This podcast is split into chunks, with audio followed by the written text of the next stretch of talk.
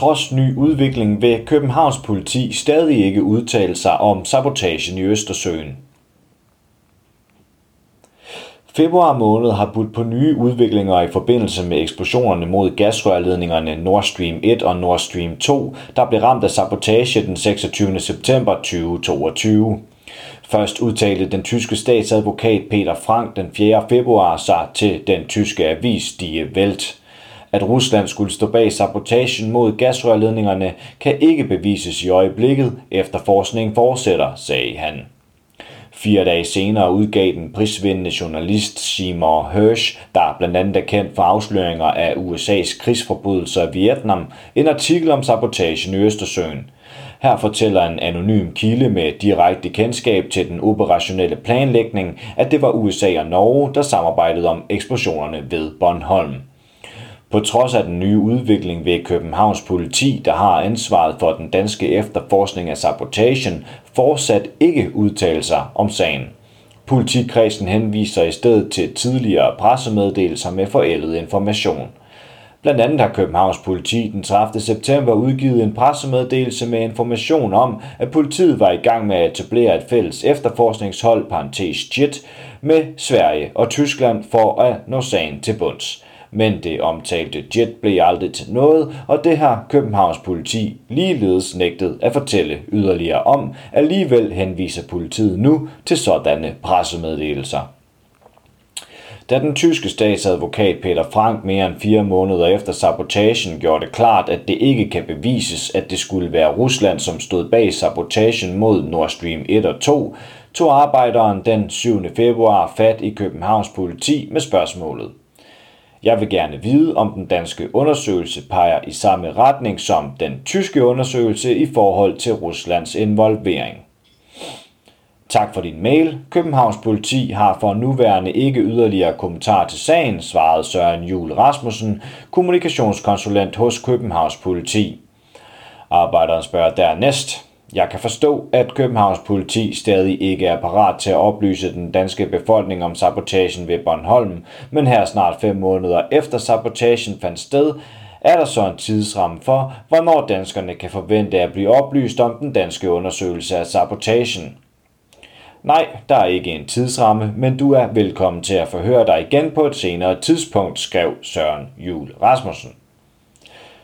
Arbejderen spørger så, vil Københavns politi på et senere tidspunkt da være villig til at oplyse, i hvilken retning undersøgelsen peger i forhold til, hvem der har begået sabotagen.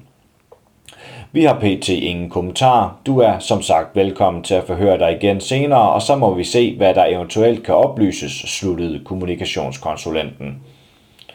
Fire dage efter Peter Franks udtalelse om den tyske undersøgelse af sabotagen mod gasrørledningerne, kom den anerkendte amerikanske journalist Seymour Hersh på banen med en artikel bygget på information fra en anonym kilde med direkte kendskab til den operationelle planlægning af eksplosionerne ved Bornholm.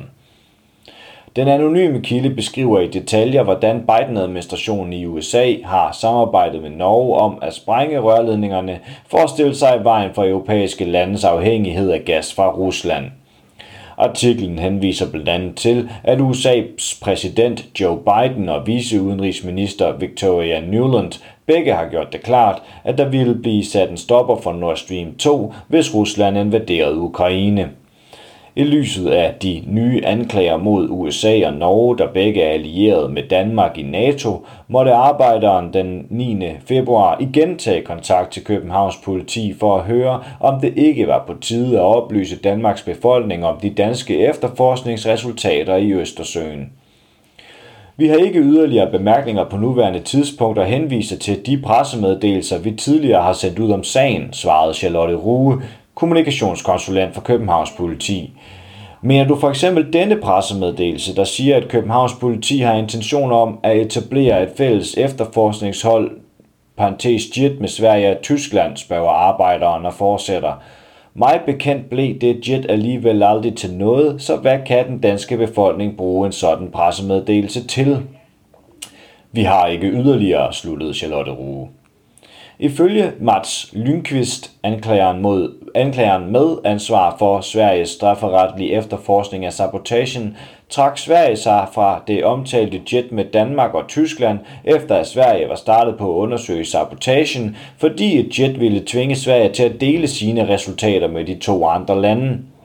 At Sverige ikke ville dele sine resultater skyldes, at der er oplysninger i vores undersøgelse, som er underlagt fortrolighed, der er direkte knyttet til den nationale sikkerhed, fortalte Mats Lyngqvist. Straks trak Danmark sig også fra efterforskningsholdet, oplyste den tyske tv-avis Tagesschau.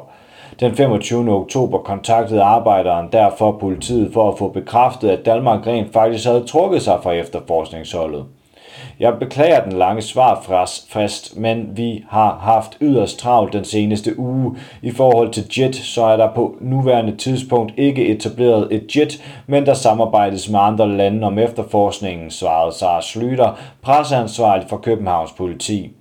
Arbejderen spurgte herefter ind til, om politiet kunne bekræfte Takeshavs rapportering om, at Danmark aktivt havde trukket sig fra det omtalte jet. Jeg kan ikke gå nærmere ind i omstændighederne omkring samarbejdet på tværs af grænserne, men kan blot oplyse, at der ikke er etableret et jet, men at der samarbejdes med andre lande om efterforskningen, gentog Sara Slyter.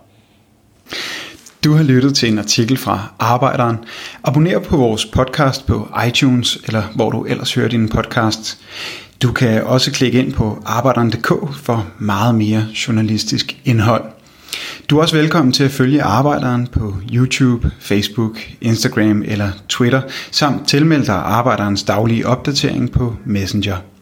Vil du i kontakt med redaktionen, kan det ske ved at sende en mail til redaktion Tak fordi du lyttede med.